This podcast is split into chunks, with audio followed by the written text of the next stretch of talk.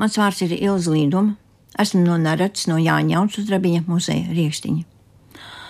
Vai jūs zinat, ar kādu prozas veidu Jaunsudrabiņš iesāk savu literāro darbību? Protams, ka neziniet. Viņa pirmā oficiālā literārā publikācija ir dzējolis Ziemas nakts, nodrukāts Latviešu avīzēs 1896. gadā. Un tad sako ilgstošs pārtraukums, vairāk nodarbošanās ar glezniecību, un tikai tad aizsāks vairāk rakstniecība. Bet, mācoties Blūmas skolā, Jauns Uramiņš izmēģināja vairāk kārtīgi roku tulkojot, jo tas viņam zināmā mērā bija iztiks avots. Un pirmo reizi viņš nu ir iztulkojis no vācu valodas un iesniedzis laikrakstam vārds, bet Matīs Siliņš, kurš vadīja literāro daļu, atsūtīja manuskriptu atpakaļ pārrakstīšanai. Tur bija sarkanu tinti izlabotas tik daudz valodas kļūdas, ka man nolaidās rokas. Es tomēr pārrakstīju, un pēc iespiešanas saņēmu 80 kapeikas honorāru. Reizē ar to man tika parādīts, ka esmu kā rakstnieks nelietojams. Tā viņš secina savā darbā, mana dzīve. Bet vai tā bija? Domāju, ka nē. Nedaudz vēlāk, 905. gadā, iznāk žurnāls Pret Sauli. Redaktors Jānis Akurāters, Jauns Urabiņš atbild par glezniecības nodaļu. To tur raksta par mākslu, par lieliem meistariem, un pirmie nopietnie mēģinājumi rakstīt. Tātad tēlojumi debesu vārti un Annas Jurģi. Starp citu tēlojumi Annas Jurģi novērtē arī Rudolfs Blaumans un publicē samā Latvijas pielikumā. Mazliet vēlāk parādās zejoļi un lūgas žurnālā dzelme, un tad nāk 6. un 7. gads, un to garais stāsts vēja ziedi. Tas ir jauns pieteikums literatūrai, absolūti jauns.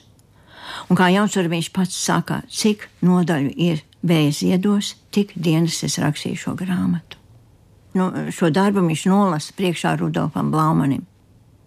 Sākums ir diezgan vēss, bet ar katru jaunu nodaļu Balmans ir kā pietuvojas jauns sudrabiņam, lai labāk dzirdētu, lai labāk sajustu, ko jauns sudrabiņš lasa, jo viņš mācīja ļoti labi lasīt savus darbus. Un rezultātā Blaumans paņem vēja ziedus Latvijas pielikumos ar turpinājumiem. Un no šī brīža tas ir tas jaunais pieteikums literatūrai. Bet fotografijas tēmai veltītu nodaļu mēneša rakstā Stari, ko izveido Mārtiņš Buclers, Jaunsuramiņš publicē ne tikai savus fotomākslas apskatus, bet arī literāros atcerējumus un tulkumus.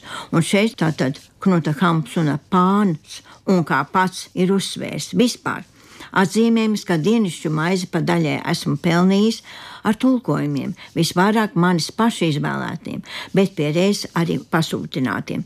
Turu to par godīgāku pelnīšanas veidu, nekā raudzīt sevi ieraut daudz rakstīšanā.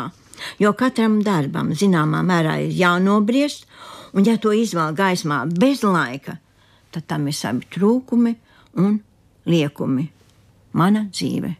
Tā rakstīja Urzurbiņš. Jaunu pavērsienu savukārt dod 910. gads, kad vasarā ģimenes dzīvo Nertā, tajā vasarā top stāsts Aija, kas arī tūlīt tiek tulkots vācu valodā.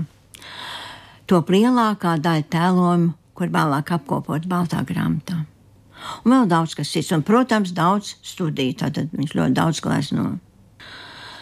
Bet savukārt Pirmā pasaules kara periods, tātad ir Kaukās, un tur jau rakstīt nekas neiznāca, jo tur varēja gleznot, par gleznām varēja dabūt pārtiks produktus iemainīt, un rakstniecībai viņš nenodevās. To, ko viņš vēroja, tur, ko viņš tur redzēja un piedzīvoja, to viņš jau rakstīja. Vēlāk, pēc 20. gada, jau atgriežoties Latvijā. Tā kā viņam visu laiku posmiem viņa rakstniecība un glezniecība miesa Arī tad, kad viņš ir vakar Eiropā, par ko viņš raksta savā darbā, pa vakar Eiropu, tur pārsvarā ir glezniecība, jo viņa mērķis jau bija strādāt Parīzē, strādāt arī Itālijas muzejos, tātad kopēt un tā sevi papildināt glezniecībā. Tad kas viņš ir vairāk, to es nezinu. Bet es domāju tā, ka nav jau svarīgi, kas mēs esam. Svarīgi, kādi mēs esam. Svarīgi, kādu ceļu mēs ejam.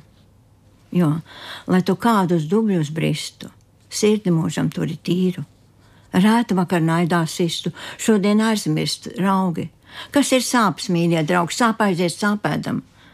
Dzīve aizies vizēdama, ja vien sirdi turi tīru. Novēl mums visiem, turēsim sirdi tīru. Mums visiem būs labi.